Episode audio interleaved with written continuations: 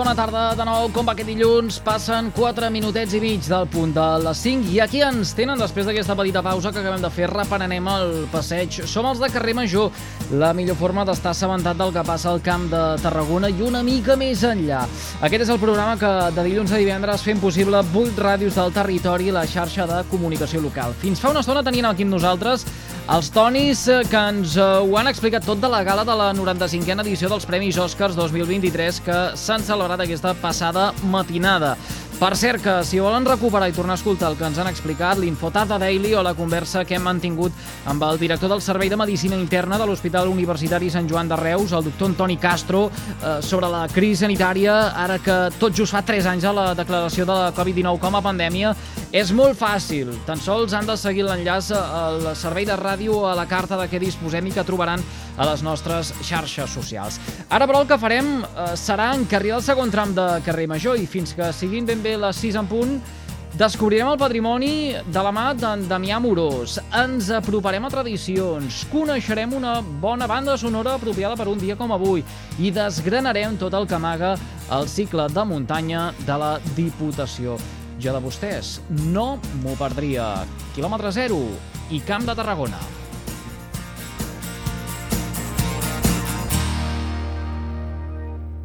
El valor del Camp de Tarragona. Carrer Major. En una mansió de les que el temps ha guarnit s'ha trobat arraconat un quadre gegantí. Molt a prop a un dit de pols en un manuscrit. Una vella inspiració reviu el seu desig.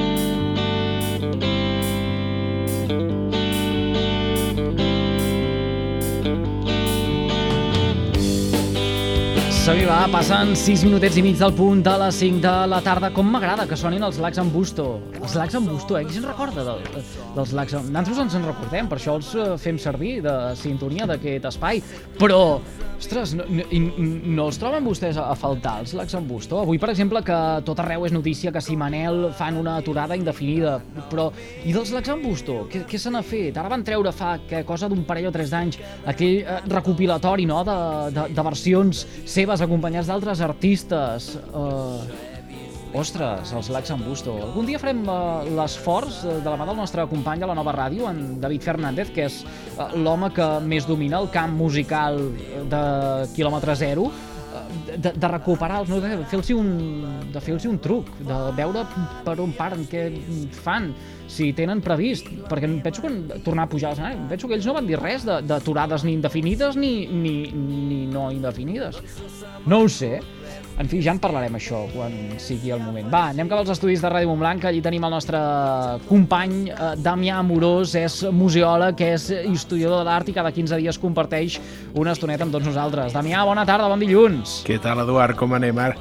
Aquesta reflexió a l'exambusto, hosti, l'estava compartint uh, mentalment i dic, hòstia, és veritat, uh, el Pemi, uh, tota la banda aquella del Vendrell i, i mira sí. l'escarafall que fan per, per uns senyors que tocaven l'Okelele i, i mira els lacs amb Busto, Miami Beach, amb tu, les nits del Liceu, hòstia, és que és oh, molt bons. Quin, quin, quin, munt de, quin munt de records ara. Molt bons, eh? Hosti, tio, i, i, i l'altre dia aquell documental que van fer dels pets, que semblava una cosa infame, oh, TV3, i... Escolta, els pets de veritat, ostres, els, els nostres pets, i els condons adulterats, que eren l'origen dels Sí, pets, senyor. no? I, hòstia, la, la, la banda sonora, i potser els del Camp de Tarragona són els pocs que entenem que Bon Dia és una cançó trista, perquè hem viscut aquesta, aquesta visió i no una cançó de mainada del cau de despertar la canalla. Hòstia, no fotem! I, ui, Miami Beach. Sí, què sí. collons Mi- Miami, què Mi- fora de Mi- mig? Miami Beach. Si aquí Jo, tenim... que, jo aquesta em mirava explicar una cosa que no entenc, em penso que no he dit mai. Uh, mm, la vaig cantar unes quantes, bastantes vegades, mm. amb una orquestra de festa major que uh, ha passat per molts pobles d'aquí de la contornada. Doncs imagina, clar, és que és la, és, Sí, és sí. la història de... I ara m'estic imaginant una història del Camp de Tarragona feta des dels whiskins collons. No whiskins, sí. whiskins collons, Sí, sí, eh? whiskins collons, eh? Whiskins sí, sí, sí. collons. Uh, grups de Tarragona, del Vendrell, d'aquí mateix Montblanc, no?, o de Valls, hòstia, va ser un gresol, tota, tot la, la, el rock català, hosti, va, va, va créixer aquí, no? A Girona hi havia aquells senyors que feien sopa de cabra i que ens van fotre que ens van dir que plegaven un 11 de setembre i al cap de dos anys van tornar, oh, misteri, quina cosa més estranya. O el sang... Hosti, Eduard, S'han traït, s'han s'han traït, també. Hem de fer que- alguna cosa això, eh? Escolta, jo és que sopa de cabra, clar, sí, sé, sé, de, No, sé el que em no. dius, però, però um, No, a, no. a mi m'agrada en sopa de cabra. no. I aquesta nova sonoritat que han fet ara, en la tornada amb, amb cercles, a partir de cercles, mm, mira... Que l'ha sí. fet, que l'ha fet, crec un... No sé si en Xerim Marester té bastant a veure Sí, amb sí, tot sí, això. sí, sí, sí, Un sí. odinoi, sí, un odinoi. Sí, sí. Sí, sí, sí, sí. Sempre, sempre hi ha algú dels nostres. I, I jo crec que... Però sóc dels que va comprar eh, l'entrada del Palau Sant Sí? Jordi, Jo- d'aquell únic, d'aquell concert clar. únic que, Únic, que van acabar sent Exa- tres, Exacte, i tres Déu al i Palau sa Sant mare. Jordi, Va, sí, exacte, i. Tarragona, i per totes les capitals en què van passar. Mm, ves d'aquelles coses que penses, nois. Veus? L'exembusto, això que dius tu. Aturen. Jo recordo el, aquell disc sinfònic també, que vam fer un concert i tot, sinfònic. Sí, Ostres, sí, sí. que sí. que són aquestes coses amb, amb una orquestra. A l'auditori, l'Ax en Busto a l'auditori, Sí, eh deia? que sí? Sí, no, cosa, sí. O al Liceu. Mm, No. Vincu... diria que- No? Vinculant que- amb les nits al Liceu. Na, na, Sí. na, na, na, na, la Això, butterfly. el, el, podem, ho podem buscar, això? No, A no, veure, espera. No, no, no, a veure... Ostres, és que ara m'ha vingut a la ment amb, amb l'orquestra sinfònica, eh? Una cosa que, que, que realment... ti- Nits a l'auditori o no? alguna Una cosa d'aquestes. No, no gusto... Ai, bé, no ho sé, és igual. Uh, O, o quan baixaven l'Àngel al Vendrell, aquell àngel del campanar, la- l'Àngel, l'Àngel... Hosti, que són molt bons. Sí, nits al Liceu, que ara tothom escriu whatsapps aquí com si tothom ara fos fan del... del Sí, del ara tots són del Lax en Busto, Les- eh? Les Sí. nits al Liceu és una cançó, tot És és, la cançó, llest. és la cançó, Exacte. és la Però hi ha un cançó. disc que jo diria que es diu uh, Lax en Busto a l'auditori i és un directe. Di, di, Sí, era un directe. Diria, diria que és... Uh... Però vaja, és igual, ja ho resoldrem, això, Sí, ho, ho trobarem. al llarg de la L'Axembusto secció. auditori... A l'auditori l'Axembusto, sí senyor. L'Axembusto a l'auditori. Que més és una fotografia d'ells. O Quico el cel i el noi Amut de Ferrerí. És que amb aquest trosset de terra que en diem Tarragona o Terres de l'Ebre s'han fet unes coses tan meravelloses. Artísticament, hosti, que és molt gros. És molt Això també, gros. a- això, això també do- donaria per museu, eh? Parlem de eh, patrimoni immaterial, però donaria també per... Uh, Mira, Ostres. Sé que eh, aquesta setmana el, el Museu d'Art Modern de la Diputació de Tarragona anunciarà algunes novetats i, i alguna vinculada amb, amb, amb això que diem, no? aquesta idea de la gent que ha fet coses des d'aquí i vinculat aquí. I, I sí que és veritat que potser de vegades les Terres de l'Ebre i el Camp de Tarragona han viscut amb aquesta frontera del Coll de Balaguer i tota la cassoleta des del Priorat fins a la Terra Baixa o la Conca, la Terra Alta, perdó, la Conca Barberà i el, i el Baix Penedès, però som una gent que ens entenem, jo crec que som la mateixa tribu, aquesta tribu íbera dels cossetans, que, que potser tenia la capital a Valls, patrimonialment, Sí, sí, sí. i, i mira, jo crec que, que, que, que hi ha d'haver alguna cosa que ens representi, no? que ens faci explicar-nos el món. I és un dels temes que tinc pendents a afrontar d'alguna forma, que és allà on ens podem mirar al mirall. I aquest programa ho és, una forma de mirar-nos al mirall, i jo crec que molta de, del que fa aquesta gent, no, des, del, des del Joan Magraner, el Miquel Bonet, l'Antoni Baciana, tota aquesta colla de gent que, que escriu, que, que es planteja el Camp de Tarragona com una realitat, no? I, i ens faltaria la punteta aquesta de l'iceberg de dir, ei, aquí us podeu veure vosaltres mateixos i aquí entendreu que Picasso des d'Horta, que Pau Casals des del Vendrell i que Miró des de Montroig van crear per tots nosaltres, però també al segle XX, al segle XXI.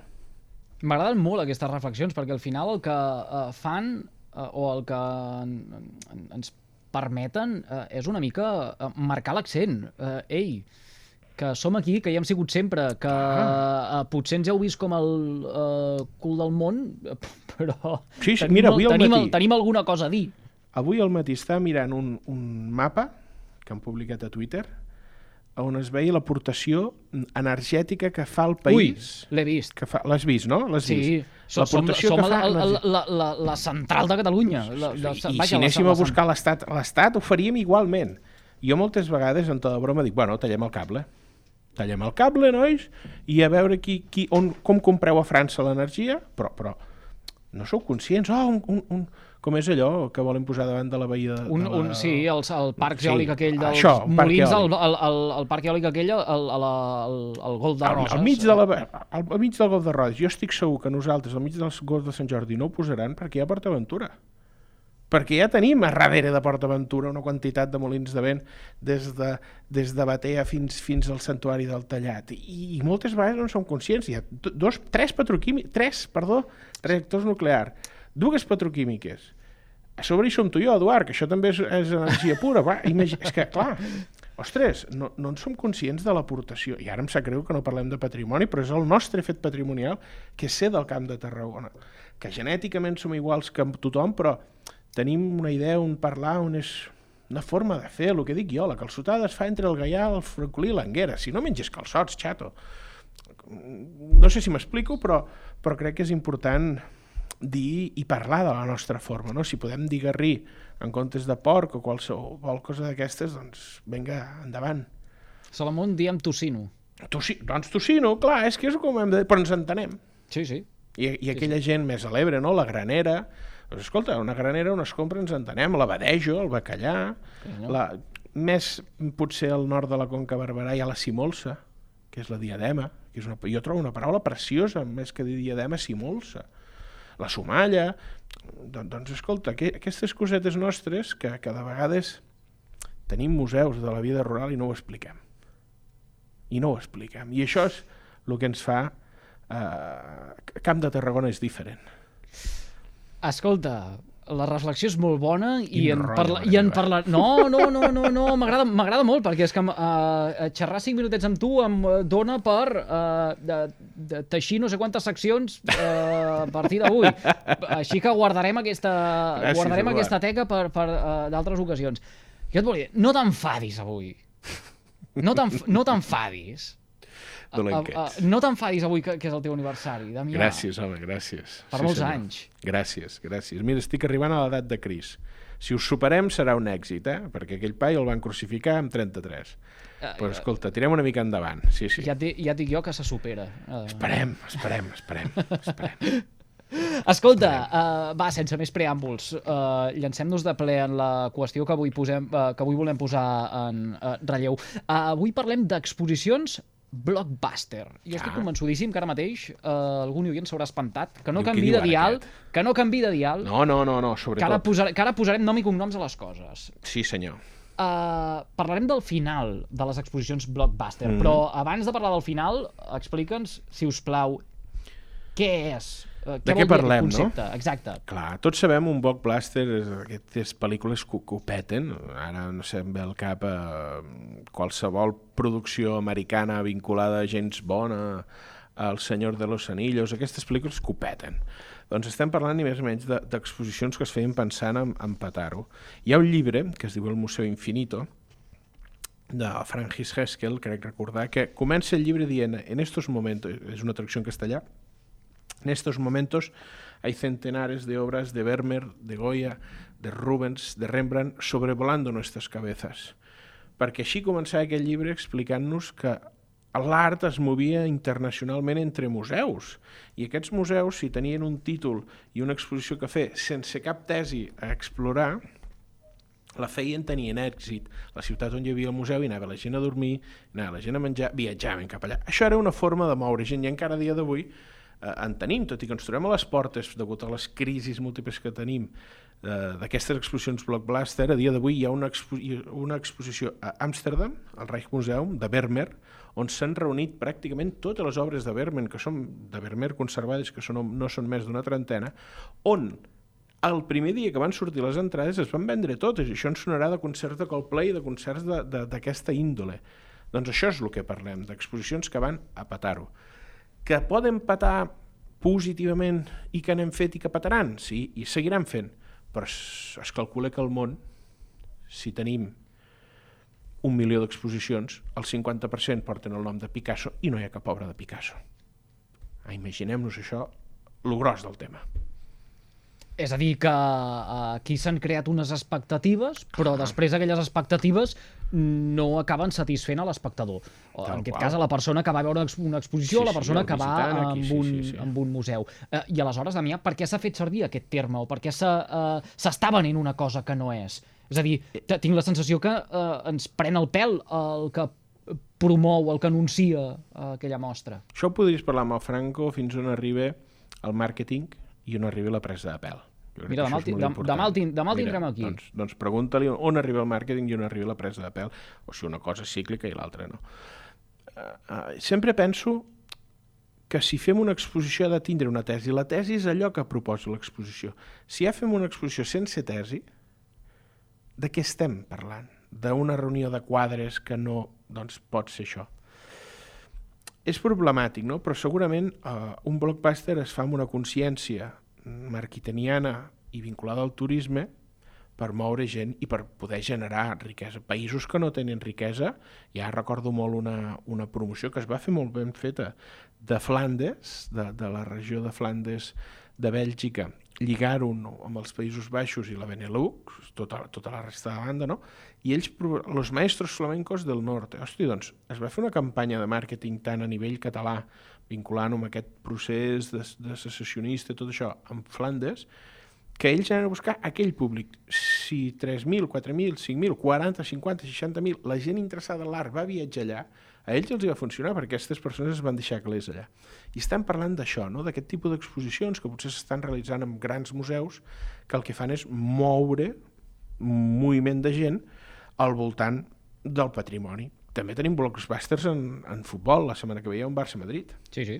Quan mou un Barça-Madrid econòmicament moltíssim, doncs els museus de vegades també s'han aprofitat d'això. Hi ha un tema que és important, Eduard, que és els patrocinis d'aquestes exposicions. Hi havia empreses que es beneficiaven de netejar la seva imatge. I això ha passat també a casa nostra. Mirem Sí, sí. qui patrocina les festes majors del Camp de Tarragona de les grans ciutats. Per què serà? Doncs mira, és una forma de, de tindre una bona imatge. Escolta una cosa, i uh, qui ha posat en dubte la continuïtat d'aquestes exposicions blockbuster? Són els mateixos museus? Uh, són els uh, experts uh, com mm. tu? E és el mateix ciutadà que diu mm, això no es correspon amb les expectatives que jo tenia abans uh, d'arribar aquí? És la, uh, avui aquest uh, migdia llegia per documentar uh, de la qüestió i, i la Covid també Clar. té part de culpa. Jo crec que, que si anem de, de, de baix cap dalt, que és com hem de fer les coses, el ciutadà ras es dona compte que, xec, que aquí ens foten el pèl. M'han dit Picasso i jo el que veig aquí són litografies o, o, o, o fotos. No? Hi ha Picasso. Si pugem una mica més amunt, els experts o, o, o fins i tot el- els periodistes o, o comunicadors culturals mm, ja expresses d'una forma diferent una exposició d'aquesta mena perquè potser t'han tentat d'alguna forma, o no, eh? Però algun element segurament trobaríem. Els conservadors de museus i els professionals del sector de sentir-se que no estan fent correctament la seva feina perquè potser no han pogut participar tant com voldrien. I finalment, la crisi econòmica. Poderoso Caballeros don dinero. Si no hi ha caler, les exposicions són diferents. Jo recordo un museu català i diré l'artista, però no diré el museu, una exposició de Turner, que el que va fer va ser comprar que- o llogar aquella exposició una temporada. Li va donar uns resultats molt positius, doncs escolta, mm. endavant, ben fet, però clar, què aportava? Què ens aporta veure una cosa que ja hem vist potser? Repetir-ho, presentar-ho de nou a la gent? Bueno, llavors, com és que no hi ha crèdits a l'exposició? Quan té crèdits és qui l'ha comissariat, Sí, qui sí, l'ha sí. produït. Clar, clar, escolta, per què no hi són? Que hi ha algú que volem amagar? Hi ha quelcom que, que, que no hem fet? Potser simplement tenim la sala i la deixem? Passa, passa. Com funciona, Damià, uh, des de dins uh, aquest mm. Món? Uh, el titular d'un espai, d'una sala d'exposicions, uh, té una agenda de contactes, agafa, truca uh, i, clar, uh, tenim vull diversos això. camins. Tenim diversos camins. Per exemple, i ara podríem parlar del MANAC o del Museu Nacional del Prado, que són aquests grans museus de l'Estat, el que fan ells és programar-se, reunir-se els conservadors, programen, escolta, quina idea teniu, quina tesi teniu. I ara recordo una, una exposició que, que va ser molt interessant i, i feta per tres museus, la Galeria Nacional d'Itàlia, el Museu Nacional d'Art de Catalunya i el Museu Nacional del Prado, que era la Capella Herrera, una capella d'una església de Roma, que aquella església es desafecta, és a dir, ja no s'hi fa actes religiosos, les pintures s'arrenquen de les parets, com el Pirineu, com les pintures romàniques, i es porta una part a Madrid i una part a Barcelona. Per tornar-la a reunir i tornar-la a Roma, s'ajunten els tres museus i ho fan. Era una exposició on cada museu podia fer la seva museografia, és a dir, presentar-ho d'una forma diferent les obres, però el discurs era molt semblant i el mateix catàleg. Doncs aquí va ser que els tres museus es van posar d'acord sorgint dels tres espais. Però potser algun dels nostres oients recordarà, per exemple, quan Caixa Tarragona feia una exposició darrere de la plaça Imperial Tàrraco, la, la, una de les últimes, aquella de la visita de Dalí a Tarragona. Allò era la mateixa caixa. Sí, que jo recordo que vaig anar a veure una de, de Rodin. Uh, Pot sí, de- de- d'escultures de, de Rodin. Sí, però, però A la Rambla. a la Rambla era, sí, sí, sí, a la amb- Rambla... Amb 14 el- escultures de bronze es va fer. Uh, ara no... Mig de la Rambla Nova, de, sí, de la- punta la- a punta del tram central, diria. Era la- l'espai que antigament era el Caixa Fòrum, allò, no? Sí, sí, diria que de la Caixa de Pensions. De la Caixa de Pensions Tarragona o- està- de, està de la bé- Caixa de Pensions o, o, o, o Caixa Fòrum? Caixa Tarragona tenia la sala d'exposicions a, a darrere l'edifici, que ara és de la Diputació, on parleu ara Sí, del cicle sí, de sí, muntanya, sí. doncs ells el Sí, tenien sí, sí. allà. I, I Caixa Fòrum era, era de la Caixa i va fer aquesta exposició de Rodin, que quedava molt bé, una escultura de Rodin al mig de la Rambla, i la veritat que sí. I, i aquestes caixes doncs, el que fan, i, i Caixa Fòrum és un bon exemple, contacten amb un museu, per exemple el British o, o amb els estudis Pixar, que, que la gent que té canalla a Tarragona hi haurà anat segur a veure l'exposició Sí, de segur. Pixar, no de Pixa, sinó de Pixar, important, I, i el que fan és dir-los, escolti senyors, jo us dono un tant, vosaltres m'organitzeu una exposició i la fem rodar. I hi ha museus que el que fan és llogar exposicions. De vegades es lloguen, mm, es nota bastant el llautó en aquests casos, i de vegades no, pot ser una col·laboració. Jo crec que, que, que, el, que aquests són els tres tipus, no? la que sorgeix pròpia, la que es col·labora pròpia o la que lloguem. I, i aleshores eh, té una periodicitat, allò... Sí, hi ha museus que en fan cada tres mesos, això són els més atrevits, hi ha museus que en fan cada sis o cada any, i llavors ara s'ha posat molt de moda, i, i aquí al Campen en tenim, per exemple, el Museu de Valls, que és una bona mostra, de- d'exposicions semipermanents, és a dir, escolta, nosaltres fem una exposició que canviem cada quatre anys. Per què cada quatre anys? Amortitzem la inversió que fem, podem comprar peça nova o podem rebre donacions o adquisicions d'alguna forma, i si ens interessa el discurs el podem canviar. Jo crec que és una fórmula molt interessant aquesta de, de l'exposició semipermanent perquè és la fórmula que cada 4 anys pots descobrir un museu nou. I un dels problemes dels museus, que jo ho detecto doncs, xerrant amb tu, xerrant amb gent que no són dels museus, ho detecto molt, que és que els museòlegs o la gent que treballem en museus, la gent que som de museus, ens ho fem molt per nosaltres mateixos i no som conscients que, la, que el visitant habitualment és algú que ve a descobrir, que vol, que té curiositat. Doncs aprofitem aquesta curiositat cada aquests temps per presentar-li idees i, i innovacions. El Museu de Tarragona, Artis- el Museu d'Art de Tarragona fa una cosa semblant, que és que integra peces també de la seva col·lecció al voltant de, de l'edifici. Damià, escolta, ara escoltant-te, um, feia aquella reflexió que també en d'altres ocasions eh, ja hem fet tant amb tu com amb d'altres eh, col·laboradors o, o convidats, però especialment Mm. amb tu quan parlem de patrimoni.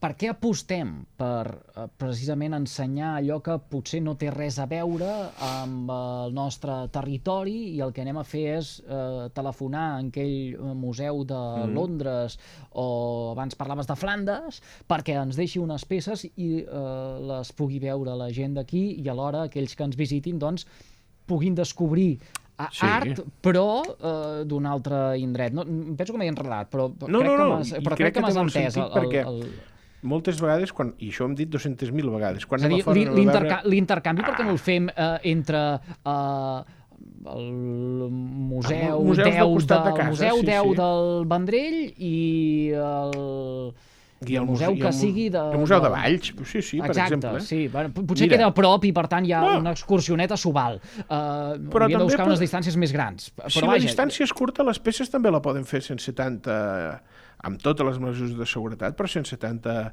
sense tanta interès. Aquesta exposició que et comentava del, de, de, de Madrid, del Prado i de, de Roma i del, de Manac, recordo, perquè a més acabem de fer una, una, un podcast amb la, Juli, amb la Judit Bacardit, amb la Júlia Bacardit, perdó, doncs amb ella ens vam trobar just al trasllat de la Policia Nacional, eh, policies amb escopeta, amb l'antibales, clar, impressiona, no? Hosti, què fan aquests aquí? Doncs és, és per una obra d'art, la importància.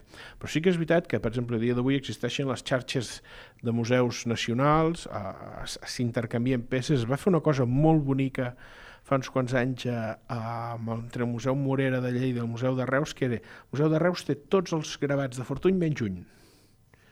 Aquest un el tenia el Museu Morera de Lleida. Van dir, escolta, porteu els, els nostres amics de Reus, porteu els gravats a, a Lleida, els exposem i per primera vegada tot el conjunt de Reus estarà complet amb una peça que cedeix al Museu de Lleida i es va fer al revés, no? I sí que és veritat que de vegades es fan exposicions que, que no tenen sentit i són aquestes les blockbuster que van a vendre. Però en recordo una també molt interessant que es va fer fa, diria, no sé si abans de la pandèmia, al Museu Episcopal de Vic. Museu Episcopal de Vic, els seus tècnics van descobrir que a Noruega, en temps del romànic, entre el cavall del romànic i el gòtic, es feia una producció molt similar a la que es feia a Catalunya. Van dir, que això hem d'explicar. Eh, com expliquem? Un documental, un llibre... Portem les peces i es va muntar un, un tinglador bastant gros en què el nord i sud, a nivell europeu, eh, dialogaven amb peces de, de romànic, romànic norec i romànic català, entre elles, i aquesta exposició es va fer a Vic i després va anar cap a Oslo, diria. I si no era Oslo, era, era una ciutats a prop, no? I, i és aquesta idea de, de, de, de si fem un viatge, fem-lo per algun motiu però coneixem-nos nosaltres, reconeixem-nos, traiem-nos l'autoodi de sobre i anem a explicar-nos al món. I això s'ha fet i de vegades i ha sortit molt bé i de vegades ha sortit fatal. Siguem realistes, hi ha hagut vegades que, escolti, eh, això no cal fer-ho. Però sí que, per exemple, un petit poble podria entrellaçar amb el del voltant o el del costat. Un projecte molt bonic no sé. que va fer el Museu de Valls va ser entre parelles Museu de Sant Pol i Museu de Valls, posant els quadres que tenien dels mateixos autors, tot Ramon Casas. Sí, és una forma d'explicar el patrimoni. Sí, em venia aquesta reflexió o aquest pensament amb allò de uh, estem demanant coses a un altre país uh, coses, estem demanant unes obres d'art en un altre país, sí, unes obres d'art que no han estat concebudes ni en aquell país, uh, ni l'obra ni l'artista l'era, uh, i, i, i per això m'entrava el, el, el... Sí, sí, busquem sempre el motiu. El, el sentit, no? Escolta, fem una cosa amb sentit, expliquem-la, difonem-la, i a partir d'aquí jo crec que, que la victòria és segura. I si, i si fallem, doncs, doncs haurem fallat i serà una altra victòria perquè sabrem què no hem de fer. I el Museu de Reus, com va fer l'any Fortuny o l'any Tapiró, va reunir obres de Fortuny de, de col·leccions americanes o de Tapiró de col·leccions tant d'Àfrica com d'Anglaterra. Fem aquests esforços quan té un sentit. I no només per, per, per fer un blockbuster, no? per, per anar-nos a vendre al món. Xt, fem les coses perquè sí, i ens vendrem al món i ens vendrem bé, i ens creuran, que això és el bo. Damià, escolta, no ens podrem allargar eh, perquè són dos quarts tocats de sis de la Fet. tarda. Eh, M'has donat moltes idees eh, de cara a properes Home. seccions.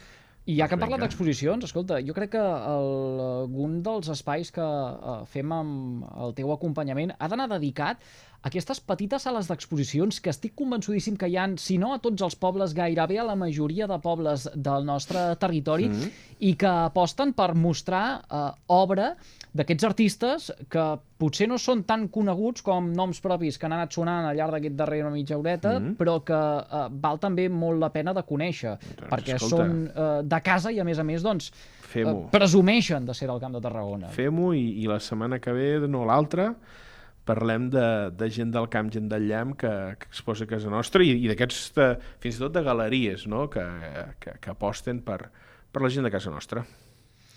Damià Morós, un plaer, com sempre. Gràcies per compartir amb nosaltres aquesta estoneta. Escolta, i ara... Avui, eh? No celebrau en, celebrau en majúscul, això, eh? Xampany i pastes. Eduard, moltes gràcies. Una abraçada, que vagi molt bé reveure. Va, que arriba l'hora, quan passen gairebé 3 minuts del punt de dos quarts de 6 de la tarda, de descobrir curiositats entorn de la vella Quaresma. Ho farem amb el nostre podcast de tradicions i llegendes que ens fan des de la nova ràdio de Reus en concret, l'Angi Aramayo.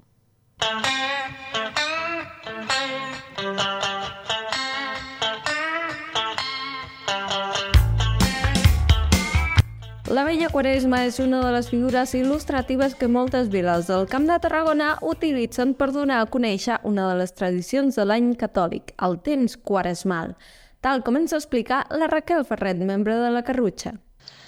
Uh, aquesta representació de la Vella Quaresma la coneixem segles enrere, inclús sabem uh, de la seva existència abans del segle XIX. De fet, hi ha diferents um, dibuixos i pintures de l'època que la representen, però no coneixem una data exacta en la que aparegui no, per primera vegada documentada segles enrere eh, aquesta representació d'aquest temps quaresmal. Tot i que a dia d'avui es tracta d'un dels personatges més reconeguts entre la canalla, l'origen d'aquesta representació gràfica del temps quaresmal és un misteri. Tot i això, el que representa queda ben clar. I també l'acte de serrar les cames, una activitat educativa que han vinculat a la figura al món educatiu. Bé, primer s'ha de dir que avui veiem no, en moltes poblacions aquesta acció de serrar les cames de la vella quaresma, però antigament, si tirem enrere, també era una activitat que molta canalla aprofitava en aquest temps eh, eh, no, de reflexió i de penitència, i el que feia normalment la canalla eren fer actes de, de capte, no? per, com si una equivalència als nostres jocs de cucanya per obtenir llaminadures, doncs el mateix feien els nens no, als carrers en, un, en una activitat de capte en el qual doncs, aconseguien diferents recompenses. No?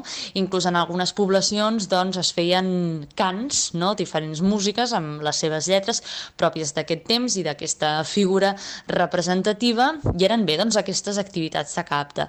No en tot cas, més cap aquí trobem aquesta activitat de serrar les cames a la vella quaresma, que a poc a poc s'ha anat fent més popular i sobretot doncs, gràcies no, a aquesta vinculació que té amb el, amb el món educatiu.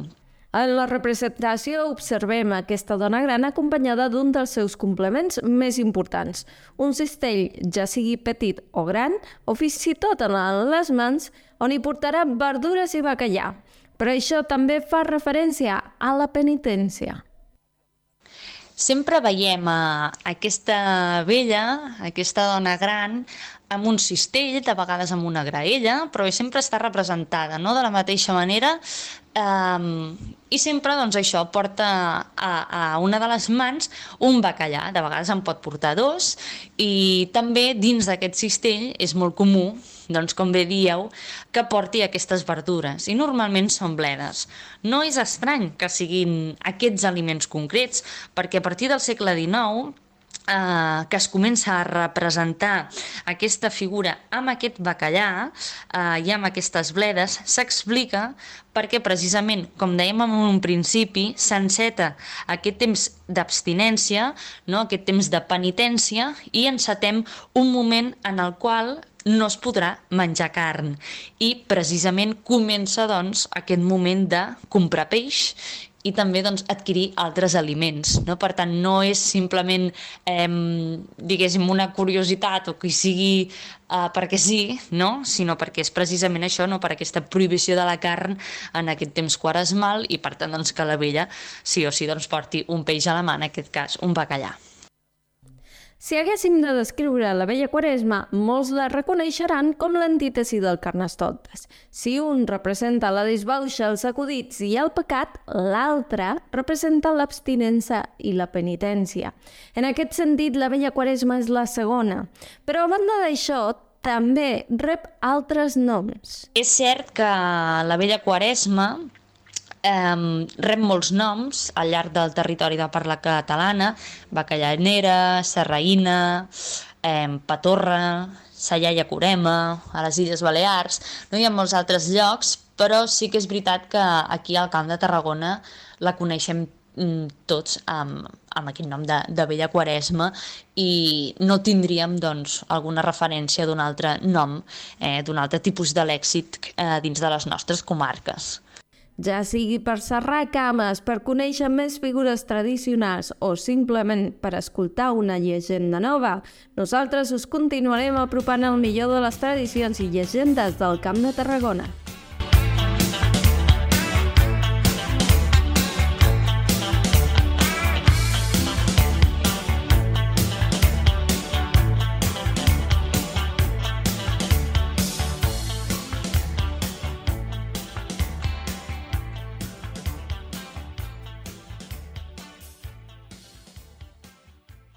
Carrer Major, la marca del territori a les ràdios locals del Camp de Tarragona.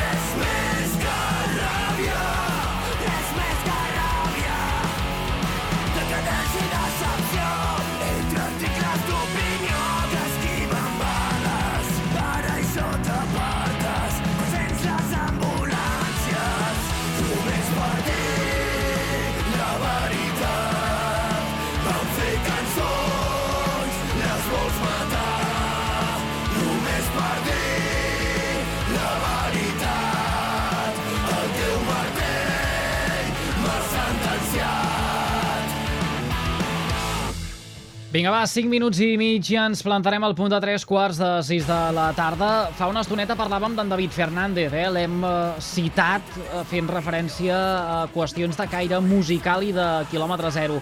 És el company de la nova ràdio de Reus que cada dia ens regala una banda sonora de carrer Major, una banda sonora que per A o per B destaca i creu oportú de llançar-nos, de eh, regalar-nos per encarar com Déu mana el que queda de jornada.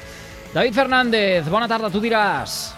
Hola Eduard, bona tarda. Doncs avui arrenquem la setmana amb una altra novetat discogràfica. Es tracta d'un disc que us volíem presentar el passat divendres, que és quan va sortir, però vam decidir explicar-vos com havien anat els Premis Enderroc i ens vam reservar aquesta novetat per avui són els Crim. Suposo que molts de vosaltres ja els haureu conegut. Una formació sí, de punk de Tarragona que de fet sempre diem que és una de les bandes més internacionals que tenim ara mateix al Camp de Tarragona.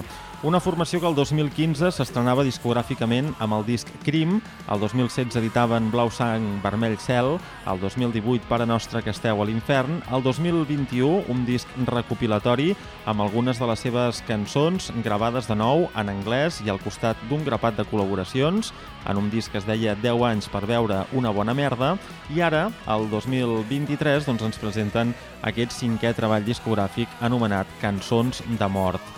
Un disc del qual doncs, ja n'havíem escoltat algunes cançons que ens havien presentat en forma de senzill, com ara Patrimoni Mundial, un relat crític de la ciutat de Tarragona, Cançons de mort, que donen nom a l'àlbum, o Vam riure tant, que va ser doncs, la darrera cançó que ens van estrenar abans de la sortida d'aquest àlbum. Avui ens hem decantat cap a una de les cançons que encara no havíem escoltat, es diu La veritat és perillosa. Per cert, que els Crim comencen aquesta mateixa setmana la gira de presentació d'aquest àlbum. El dia 18 seran a Barcelona i a partir d'aquí aniran a diverses ciutats del País Basc, a València, Madrid, a Lleida, a Salt i el 6 de maig aterraran a la seva ciutat, a la Sala 0 de Tarragona, per tal de presentar la seva nova música. Una formació que després no és d'estranyar que volti per Europa, com ja ha anat fent per presentar els darrers discos, i si això arriba ja us ho explicarem aquí al programa. De moment teniu aquestes píndoles de bon punk rock penjades a Spotify per tal de gaudir d'aquest treball discogràfic dels Crim, aquest Cançons de mort, el disc del dia, avui al carrer Major.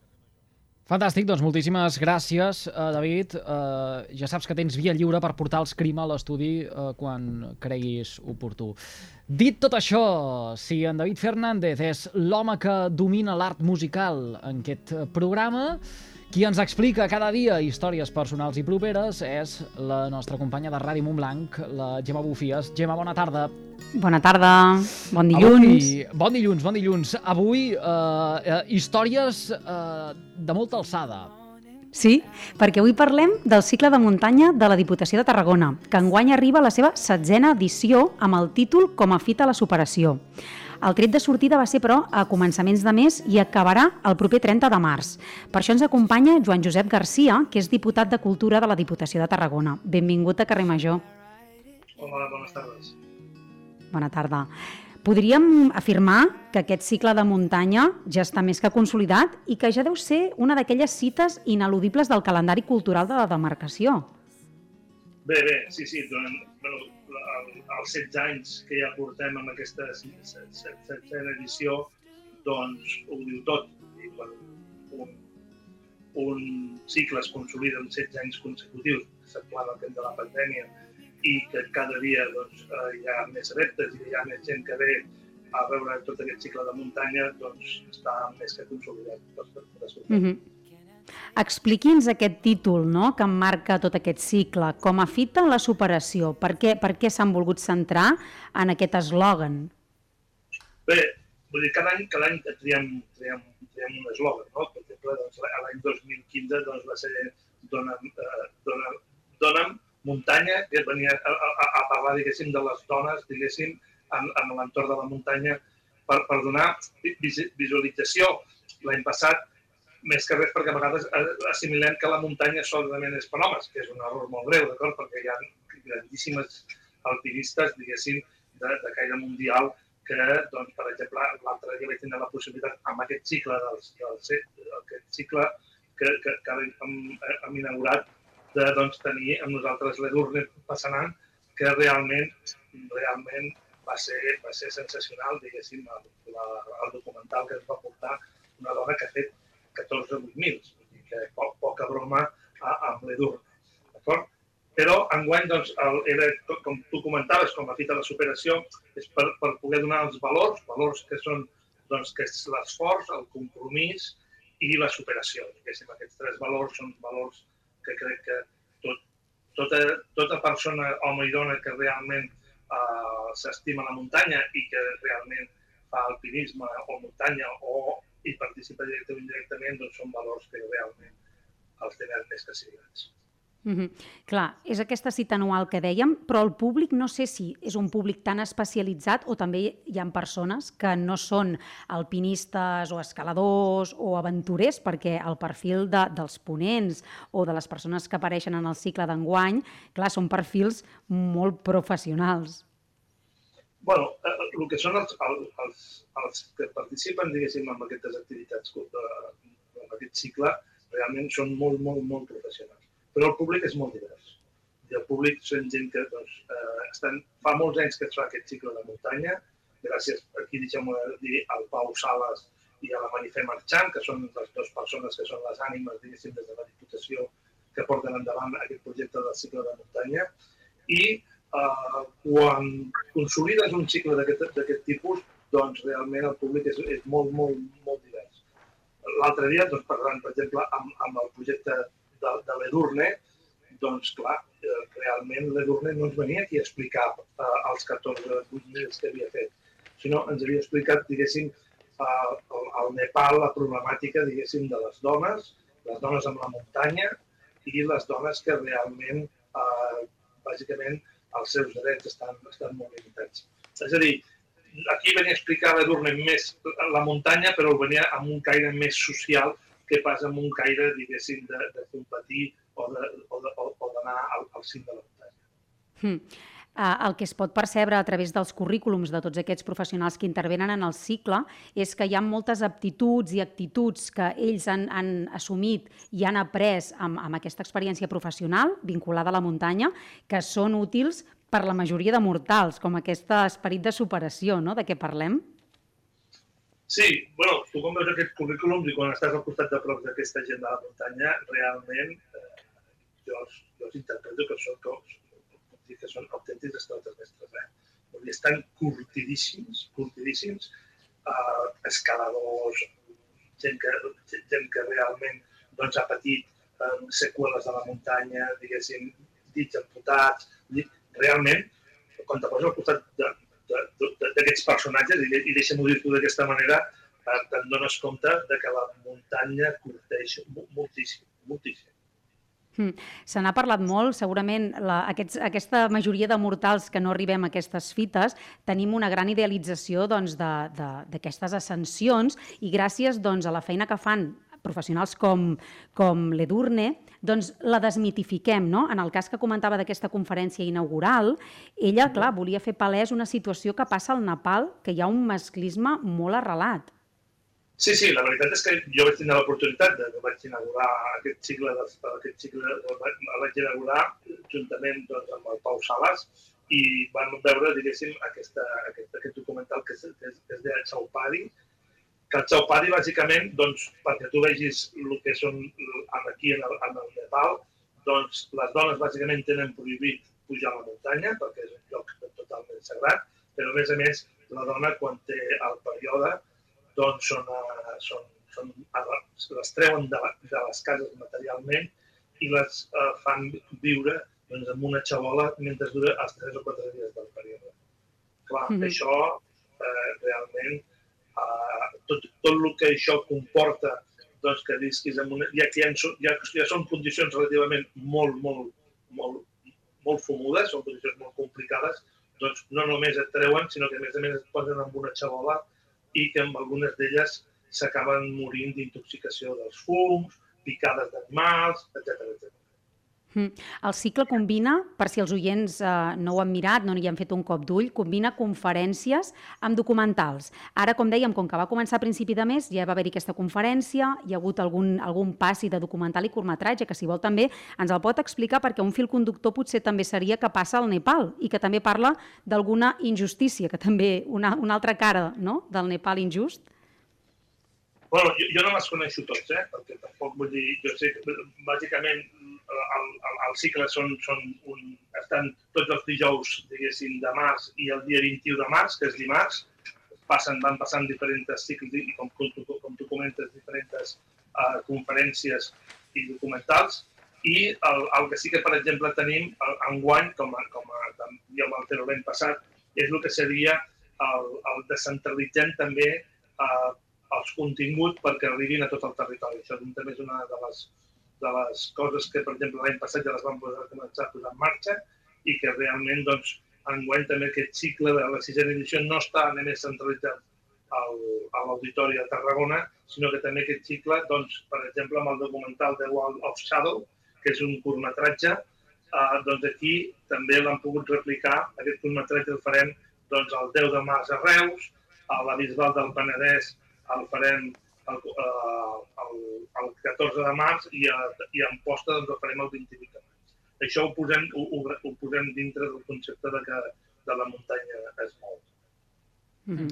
Uh, per cert, aquells que ens estiguin escoltant i diguin ostres, jo em vull saber més de tot aquest programa, si us plau, que facin la consulta en línia perquè ho trobaran tot, eh? Uh, i, i, I més enllà de les uh, projeccions pròpiament, una oportunitat també per reivindicar mm, figures de l'alpinisme del país eh, moltes sí. vegades amb un reconeixement eh, pràcticament eh, nul per part dels mitjans de comunicació.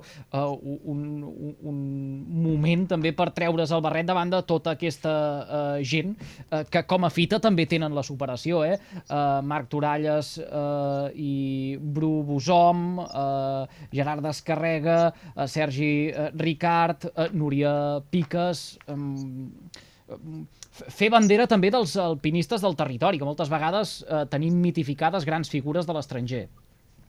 Sí, bueno, la veritat és que això sempre sol passar sempre. Eh? Nosaltres mitifiquem a, a, a la gent de fora i la gent que tenim al costat de casa, doncs, entre cometes, la més creiem. Per exemple, com tu ara comentaves, per exemple, clou, clou, clourà aquest cicle de, de, de, del, del, aquest cicle de muntanya d'aquesta 16a edició, eh, doncs el clourà la, Núria Piques, diguéssim que és, doncs, és una corredora bàsicament campiona del món d'ultratrail i que realment és, és, és brutal, diguéssim, i, i, és, i és de casa nostra. Com també et comentaves, i deixem-ho dir, vull dir, aquella gent que vulgui doncs, acostar-se a l'auditori, bàsicament l'únic que té que fer és anar una hora abans i demanar les entrades. Les entrades són gratuïtes per veure gaire tots, tots els documentals que es, es fan en l'auditori i l'únic que tenen que fer doncs, és una hora abans doncs, demanar-les i evidentment quan l'auditori queda ple, perquè queda ple, queda ple gairebé totes les sessions, doncs eh, llavors poder gaudir d'aquest espectacle. Mm -hmm. Les properes cites seran el dia 16 i el, 24, el 21.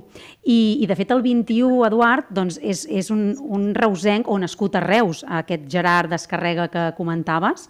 Doncs no sé si mai ha passat per carrer Major, però té un currículum absolutament impressionant. Una persona que es va anar quedant cega de mica en mica i, i com ha, ha aconseguit èxits mm, dignes de, de lluança, no? Sí, sí, la, la veritat és que amb el Gerard ja també, quan va començar a, a, a fer aquests cims que, que, que comentaves, doncs, a pujar a la Neto o per al, al Montblanc, doncs ell també nosaltres ens va demanar des de, que nosaltres des bueno, participéssim en aquests projectes que tenia, que, que l'acompanyava, crec que l'acompanyava, si no, si no dic malament, crec que l'està acompanyant l'Òscar Cariac amb, amb alguns projectes d'aquest la descarrega, i doncs, eh, nosaltres doncs, també hi vam participar en aquests projectes per part de la Diputació. Sí, un comú denominador que, que podem percebre, segurament doncs, qui assisteixi a les conferències potser ho escoltarà, però mirant aquí en el programa, moltes, molts d'aquests professionals eh, doncs, doncs han tingut la, la muntanya molt, molt de ben petits gràcies a, a la família. Expliquen que de ben petits ja, ja caminaven amb els pares hores i hores i aquest vincle doncs és important no? de, de crear aquest vincle amb la natura i amb aquesta resistència que bé, al final doncs, ells han arribat a assolir eh, aquestes metes impressionants. Sí, l'any passat, l'any passat en un dels documentals venien, van fer, una, hi havia un escalador que va fer una nova ruta amb una cova per allà, diguéssim, per exemple, pel Nepal, i doncs veies el vincle pare i fill, d'acord? Aquest vincle pare i fill, que realment eh, tu comentes, eh, doncs el fill era el que realment feia la ruta i el pare és el que feia de provisionador? Doncs aquests van, van estar sis setmanes sota una cova, fins que no van, no van aconseguir-ho. I van haver d'anar tres vegades fins a aconseguir-ho. Per tant, el vincle que es fa pare i fill, en aquest cas entre la família, eh, realment eh, quan és que el respecte era mutu, no? Vull dir, eh, tant el pare parlava del fill com el fill parlava del pare, però es veia que la, la, la sinergia que hi havia entre tots dos que, anava, que, que la muntanya doncs, havia, havia aconseguit eh, fer eh, realment aconseguissin aquesta dos. Uh, compartirem tot això eh, a través de les xarxes socials, per allò que diem tantes vegades, que tan sols amb un clic tothom se'n pugui fer una idea. Senyor Garcia, molt uh, ràpid i abans d'acabar, uh, fent referència un momentet de, de la descentralització de la proposta en guany, més enllà de l'auditori de la Diputació, Reus, al Palau Bufardull, també a la Bisbal del Penedès i Amposta. Uh, L'objectiu és, uh, pensant ja en futures uh, edicions, estendre més aquesta xarxa? Bé, com a objectiu, la Diputació de Tarragona, realment el que nosaltres és volem eh, estendre la cultura a tot el Camp de Tarragona, des del que és les Terres de l'Ebre, Camp de Tarragona i Baix Penedès.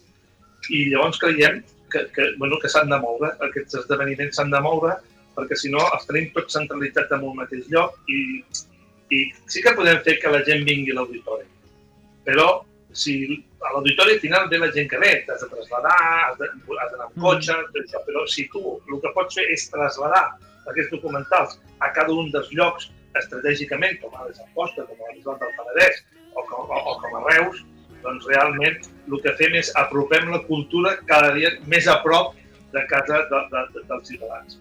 I també deixeu-m'ho dir que a Reus, al Palau Bufarut, sí que també hi haurà, hi haurà una exposició mentre duri aquest cicle, que seria el que seria una miqueta el que és el repàs de les experiències de tots els protagonistes que participen en, aquestes, en aquests documentals. Senyor Garcia, hem de marxar a publicitat. Gràcies per fer-nos confiança. Que vagi molt bé. Bona tarda. Bona tarda. Bona tarda.